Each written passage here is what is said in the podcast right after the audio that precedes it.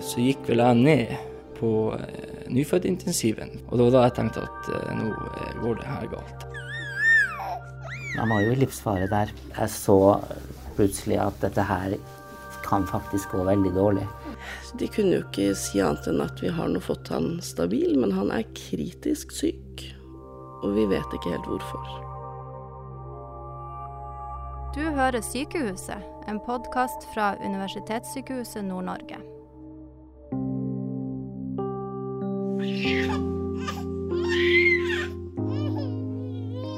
Det er tid for formiddagslur for åtte måneder gamle Theodor.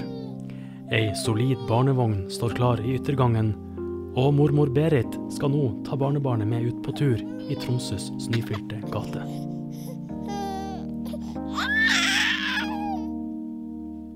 Mens han Theodor er ute på tur, skal mammaen hans og Sigrun Andreassen fortelle om de dramatiske dagene og uken etter fødselen sommeren 2019. Det er ikke bare bilder du får i hånda, det er en skikkelig ordentlig scrapbook, eller hva man kan si da, ikke sant. Det er, uh, Og Sigrun viser fram ei minnebok fra nyfødtintensiven på UNN i Tromsø. Stedet han Theodor bodde den første måneden av livet. det her er jo f.eks. det eneste bildet vi har av Theodor før han ble intubert. Før han fikk arret sitt på nesen, ikke sant. Så det er jo litt fint da, at vi faktisk har et sånt bilde også. Det må jo være ekstra fint å ha ei sånn minnebok når det har gått bra. Ja, ja, herregud. Det er uh, Det kunne jo vært ei minnebok, og så var det det. Ja.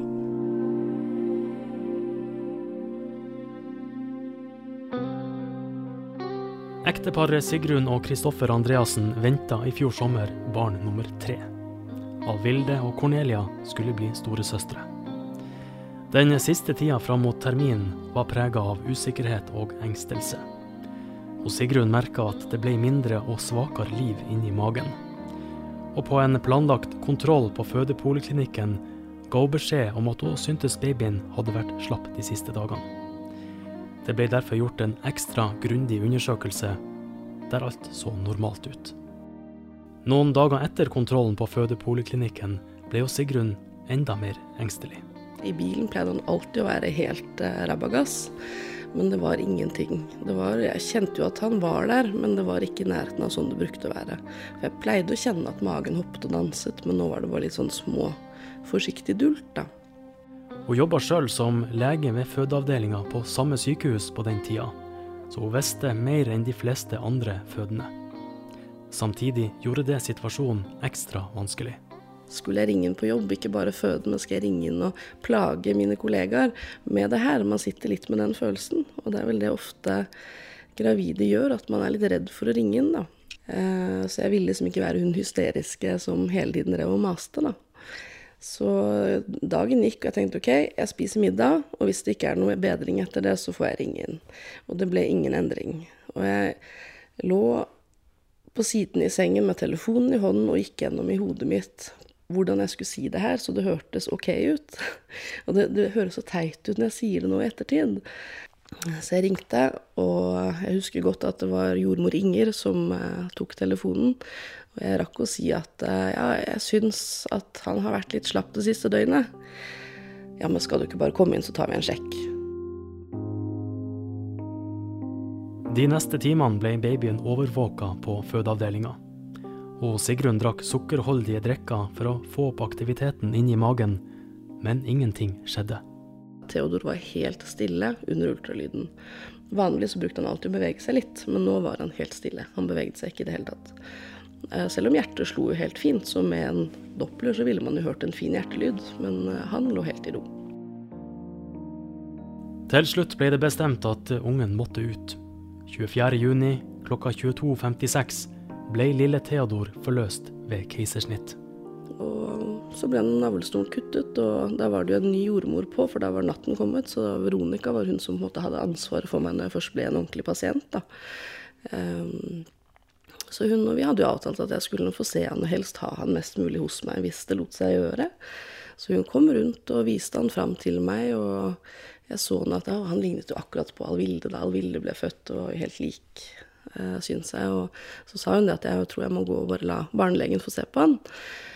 Og så tenkte jeg litt ja, han var jo kanskje litt hvit, da. Men tja, tenkte ikke så mye mer over det. Vi hadde jo hørt litt skriking, og vi hørte litt mer skriking eh, eh, inne på det mellomrommet hvor barnelegen står. Men så begynte jo tiden å gå, og jeg begynte jo å kjenne veldig på at så lang tid som det her bruker det ikke ta å få liksom, ungen til å bli litt mer frisk. Da barnelegene fikk se han Theodor, skjønte de fort at alt ikke var som det skulle være. Overlege Nils Thomas Songstad hadde bakvakt på barneavdelinga, og lå hjemme og sov da keisersnittet ble utført.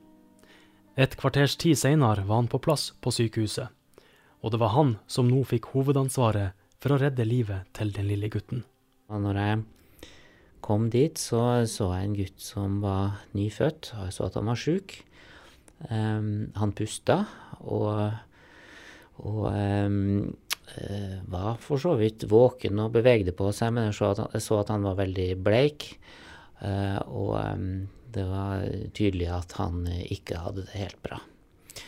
Og de som var der, var jo allerede i gang med å gjøre tiltak for å prøve å finne ut hva det var, og hvordan man kunne hjelpe han. Når et nyfødt barn er bleikt og ikke ser friskt ut, er medfødt anemi ofte det første legene tenker på.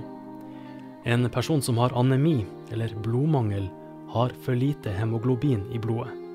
Hemoglobin er et protein som sørger for at oksygen transporteres fra lungene og ut i alle kroppens vev. Og det er mengden hemoglobin som måles når det snakkes om blodprosent. Overlege Songstad og teamet hans prøvde å gi både blod, væske og medisiner, men det var ingen enkel jobb. Vi bruker navlesnora til det, og det er vanligvis en veldig enkel sak. Men akkurat hos han så var det vanskelig.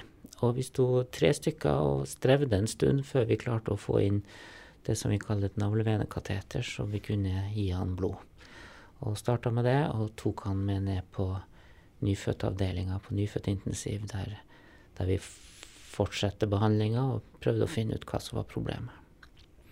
Du begynte å skjønne at det her var noe som ikke stemte helt, i og med at det tok så lang tid. Det her er han Kristoffer, mannen til Sigrun, og pappaen til han Theodor. Jeg kjente var at jeg ble mer og mer og mer bekymra. Eh, så gikk vel jeg ned på eh, nyfødtintensiven, for jeg bare skulle se hva som foregikk, egentlig. Og da så jeg de holdt på å jobbe litt med han på der inne, da. Og det var da jeg tenkte at eh, nå går det her galt, tenkte jeg. Blodprosenten til lille Theodor var på dette tidspunktet kritisk lav, og legene skjønte ikke hvorfor de ikke fikk den opp. De strevde lenge med å finne ut hva som kunne være galt. Og så oppdaga de noe som gjorde at overlege Nils Thomas plutselig frykta det aller verste. Og i dette tilfellet så var det når vi gjorde ultralydundersøkelse av hjertet, og så at det nesten ikke trekte seg sammen, at jeg innså at dette var en veldig alvorlig situasjon at vi faktisk sto i fare for å miste han. Og da tenkte jeg at nå, nå er jeg nødt til å snakke med foreldrene, sånn at de vet litt om hva det er som foregår her. Det er jo noe av det tyngste vi gjør, selvfølgelig. Eh, på den andre sida så er det jo en viktig del av jobben vår. Viktigst er selvfølgelig å ivareta babyen og, og, og, gjøre det man kan for at det skal gå bra. Men, men det å, å, også tenke på hvordan foreldrene har det i den situasjonen de er, det, det er viktig. Og, så, og var, jeg tenker også at eh, det var viktig her at de hadde sjansen til å få møte han hvis så galt skulle skje at vi kom til å miste han. Så jeg skjønte jo litt og følte litt på måten han ola seg, at det, Theodor er ikke stabil. Eller barnet vårt er ikke stabilt ennå. Så jeg spurte han rett ut betyr det at det her kan gå begge veier. Og da måtte han jo bare pent si ja. Han Theodor kom til verden på kvelden 24.6. De neste timene jobba legene på høygir for å finne ut hvorfor han ble stadig dårligere. Det ble ei lang natt. Så kom telefonen som gjorde at mange av bitene falt på plass. Blodbanken hadde påvist noe uvanlig. Han Theodor hadde et antistoff i blodet sitt som heter anti-lille-C. I løpet av svangerskapet hadde immunsystemet til mamma Sigrun danna dette antistoffet, som så var kommet over i blodet til sønnen og brutt ned de røde blodcellene i blodet hans. Fosteret eller babyen da er en annen person enn mor, eh, og, og kan ha forskjellige blodtyper. Og i noen tilfeller når blodtypen er forskjellig, så vil mor kunne danne antistoffer mot blodtypen til barnet. Disse antistoffene går over morkaka og sirkulerer rundt i barnet sitt blod og bryter ned blodcellene der. Sånn enkelt forklart. Det eneste som kunne redde han Theodor nå, det var å skifte ut alt blodet i kroppen hans. Erfarne leger og bioingeniører i blodbanken satte raskt i gang en prosess som ikke hadde vært gjort på over 20 år i Tromsø. De brukte blod fra lokale givere med en bestemt blodtype, og gjennom nøye planlagte prosesser lagde de et spesialblod som legene på nyfødt intensiv kunne gi han Theodor. Man bytter ut hele blodvolumet på babyen flere ganger. Altså man trekker ut blod og setter inn blod i, i mange porsjoner. Og det, det er potensielt eh, det, det, er mye, det, er mye, som kan gå galt i en sånn prosedyre. Så og det er ikke noe vi gjør særlig ofte lenger heller. Det er ganske langt imellom. Det var For 20-30 år siden så var dette noe som ble gjort ofte, men i dag har vi ofte andre ting vi kan gjøre først. Men i denne situasjonen så, så måtte vi gjøre en sånn utskifting. Da. Hvordan å, å beskrive den følelsen når du får, når får den beskjeden om at din nyfødte sønn må få helt nytt blod? Ja, nei, altså, som sagt, jeg, jeg har jo ikke peiling hva, hva, det egentlig vil si, men det høres jo helt vilt ut. Men jeg tenkte som så at hvis det er det som skal til for at han blir frisk, så må vi peise på og få det gjort, liksom, for at jeg eh, ville jo at han skulle bli frisk fortest mulig. Og eh, nei, det var selvfølgelig rart å vite at de sto og tømte, tømte han for blod og fylte opp nytt. For meg så blir det vel litt den derre Eh, at jeg begynner å tenke rasjonalistisk at det her er bra, de har funnet en årsak, og de har funnet en potensielt løsning. De har funnet mulig en behandling da, som kan gjøre at han blir bedre. Uh, men, så, men, nå tenker du som lege. Ja. Hvordan tenkte du som, eh, som mamma? Det her er helt sykt. Fremdeles hva i helvete har skjedd, for å si det rett ut, og hvorfor har det her skjedd oss? Bare noen timer gammel måtte altså lille Theodor få skifta ut alt blodet i kroppen. Samtidig gjorde den lave blodprosenten han hadde hatt over lang tid, at flere av kroppens viktigste organer begynte å svikte. Hjertet slo dårlig, lungekretsløpet fungerte ikke, nyrene begynte å slite, og levra var stor. Legene var bekymra for oksygentilførselen til hjernen, og de senka kroppstemperaturen til han Theodor til litt under det normale for å minimere sjansene for skader. Det var helt, helt grusomt. Det er jo ikke noe å legge skjul på at det er krevende å ha et barn med utfordringer, uten at man visste hvilke utfordringer det skulle bli. Og Kristoffer har jo nevnt at han begynte å se for seg ok, hvordan kan jeg rullestoltilpasse huset vårt? ikke sant? Hvor må jeg bygge ramper? Vi har jo ganske mye trapper. Litt sånn klassisk mannfolktenkning, at man begynner å tenke alt som må gjøres, da fikses. Så det var eh, utrolig, utrolig, en utrolig tøff beskjed å få. Selv om legene nå hadde funnet ut hvorfor han Theodor var kritisk syk, var situasjonen alt annet enn avklart. Medisinene gjorde at han ble mer og mer hoven, og han la på seg over ett kilo på kort tid. Magen hovna opp, det samme gjorde armer og bein. Overlege Nils Thomas var ikke lenger redd for at han Theodor skulle dø, men han var svært usikker på om han ville bli helt frisk. Vi hadde fortsatt en ganske kritisk situasjon, sånn at de første dagene så gikk jeg hele tida og liksom eh, kjente på at eh, vi, her er vi ikke over kneika en, enda. Eh, og så, når, når, man liksom kjenner at man begynner å komme i land med at, eh, at, at han skal nok overleve, så er det jo mer bekymringer for hvordan det skal gå på lang sikt, som på en måte kommer sigende mer fram og liksom kommer litt lenger fram i, i, i bevisstheten. da. Hva var det da du var mest bekymra for? Altså, han hadde jo en multiorgansvikt. Hva, var det kritiske da? Ja, det, mest, altså, det, vi ofte ser, er at hvis vi nå får dem gjennom multiorgansvikten, så kommer organene seg. Altså hjerte, lever, nyrer. Det, det retter seg som regel. Men hodet er jo det som gjerne ikke retter seg, og er det som som jo har så mye å si for hvordan livet videre skal bli. sånn at eh, det er jo det som bekymrer oss mest når vi på en måte kommer over den første kneika. I fire uker lå han Theodor på nyfødtintensiv på UNN i Tromsø. Han ble gradvis bedre, og MR-undersøkelser viste ingen tegn på oksygenmangel til hjernen lenger. Så plutselig begynte han å bli bedre og bedre.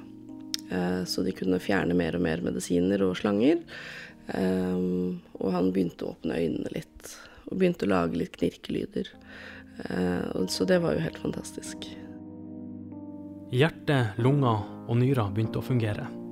Men en alvorlig betennelse i levra gjorde at han måtte sendes til Rikshospitalet for behandling i ei uke. Der leita de etter en diagnose nummer to, men etter hvert begynte også levra å virke bedre. Og han Theodor fikk endelig komme hjem, fem uker gammel. Likevel gikk det uker og måneder før legene kunne erklære han helt frisk. Den beskjeden fikk familien først da han var sju måneder gammel. Og da var alle blodprøvene så å si helt normale. Og han er egentlig da offisielt erklært helt frisk. Og vi har jo vært hos fysioterapeut også, og han utvikler seg jo absolutt helt normalt. Helt som alle andre babyer. Så det eneste man kan se som på en måte er det eneste som er igjen etter alt det her, er at han har fått et lite arr på nesen etter intuberingen, da. Men utover det så han, ser han ut som alle andre babyer. Og oppfører seg sånn. Ja. Du må fortelle hvordan det var å få den beskjeden at han er erklært frisk? Det var Man blir helt så Jeg tror man blir litt sånn Nesten apatisk, altså. Helt sånn derre hva, hva, skjedde nå? Hva er det vi egentlig har vært gjennom det siste halvåret? Det, det er det som er Ja, det spes... Ja. Man blir, man blir, så sliten av å få det svaret, nesten, for vi har på en måte holdt oss så sterke så lenge. Og så får vi endelig beskjed om at han er frisk. Og det betyr jo så mye. Selv om, har, selv om vi har, mistenkt og vi har forventet at han skulle bli frisk, så er det noe annet å få høre det fra overlegen selv, ikke sant. Så det var Ja. Det var en gledesdag, men samtidig så var vi var bare så slitne. Det har vært så mye.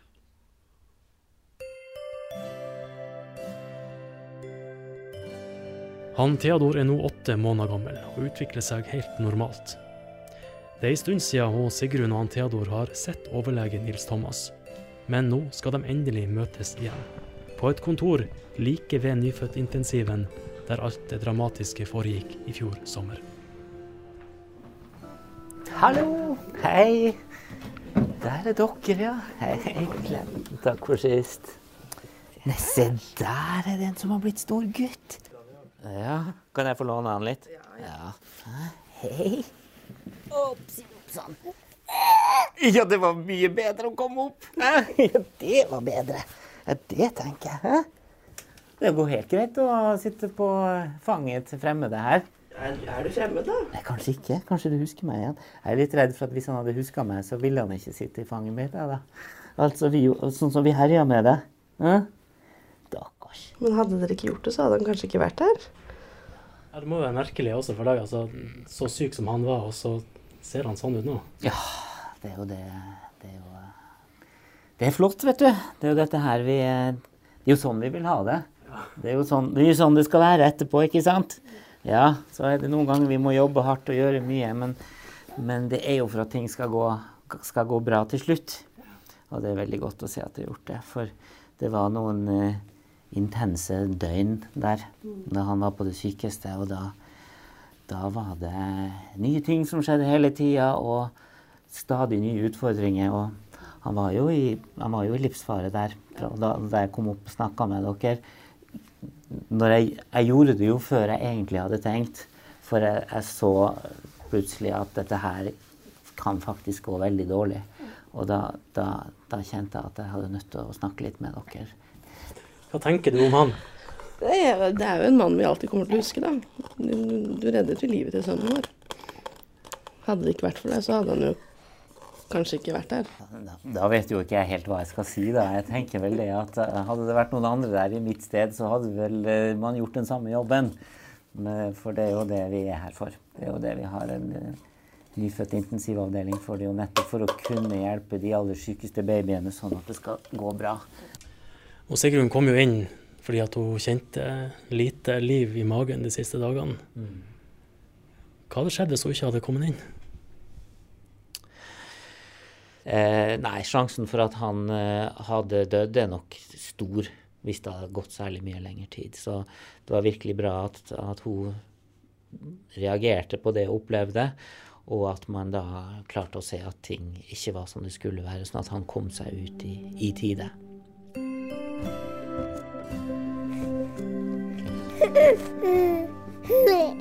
Vi er hjemme igjen hos familien Andreassen, der storesøsteren Alvilde på fem og et halvt og Cornelia på tre og et halvt nå har kommet hjem fra barnehagen. De går rett bort til lillebroren, som ligger på magen på ei lekematte på stuegulvet.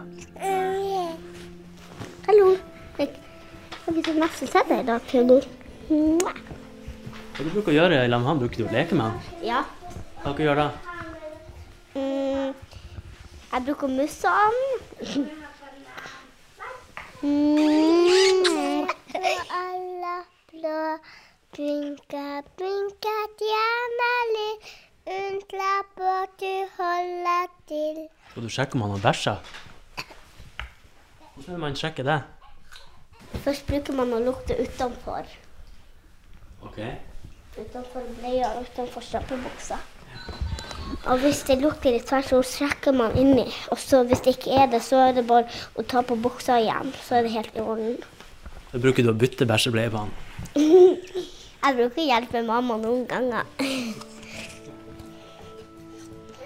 Uten dyktige leger, jordmødre og sykepleiere på fødeavdelinga og barneavdelinga, uten lokale blodgivere og uten kompetansen til våkne ansatte i blodbanken, ville han Theodor ikke vært i live i dag. Men også mamma Sigrun sin årvåkenhet den siste tida av svangerskapet ble helt avgjørende. Hun oppfordrer alle gravide til å følge godt med, og ikke stole blindt på hjemmedopplere, pulsregistratorer mange gravide har gått til anskaffelse av. Det er veldig viktig å kjenne sin egen baby.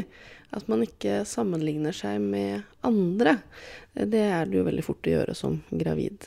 Eh, noen babyer beveger seg masse gjennom hele svangerskapet, og andre beveger seg veldig lite. Og begge deler kan være like normalt.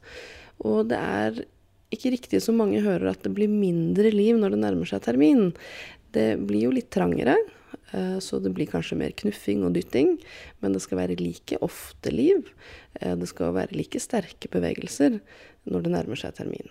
Og hvis man føler seg usikker og syns det er vanskelig å kjenne på det her med hva er normalt, hva betyr det å kjenne liv, så vil jeg anbefale internettsiden kjennliv.no. Der forklarer de veldig enkelt og veldig fint hvordan man bør forholde seg til babyen i magen når man er gravid.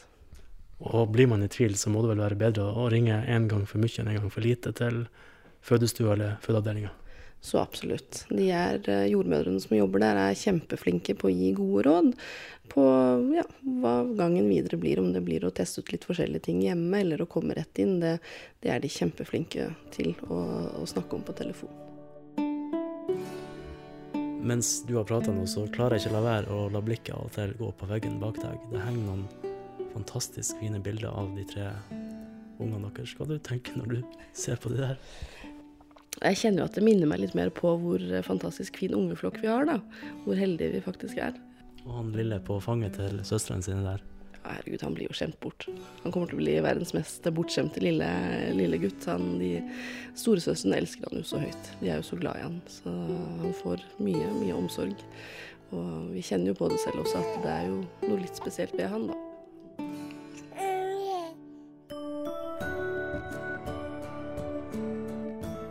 Du har hørt Sykehuset, en podkast produsert av kommunikasjonsavdelinga ved Universitetssykehuset Nord-Norge. Serien er laga av Jørn Resvoll med god hjelp fra Frode Abrahamsen og Per Christian Johansen. Lars Inge Pedersen fra sykehusets kulturavdeling har komponert og spilt inn musikken. Ansvarlig redaktør er Hilde Pettersen. Har du tilbakemeldinger eller tips om andre historier vi kan fortelle, ta gjerne kontakt via e-post kommunikasjon krøllalfa unn.no.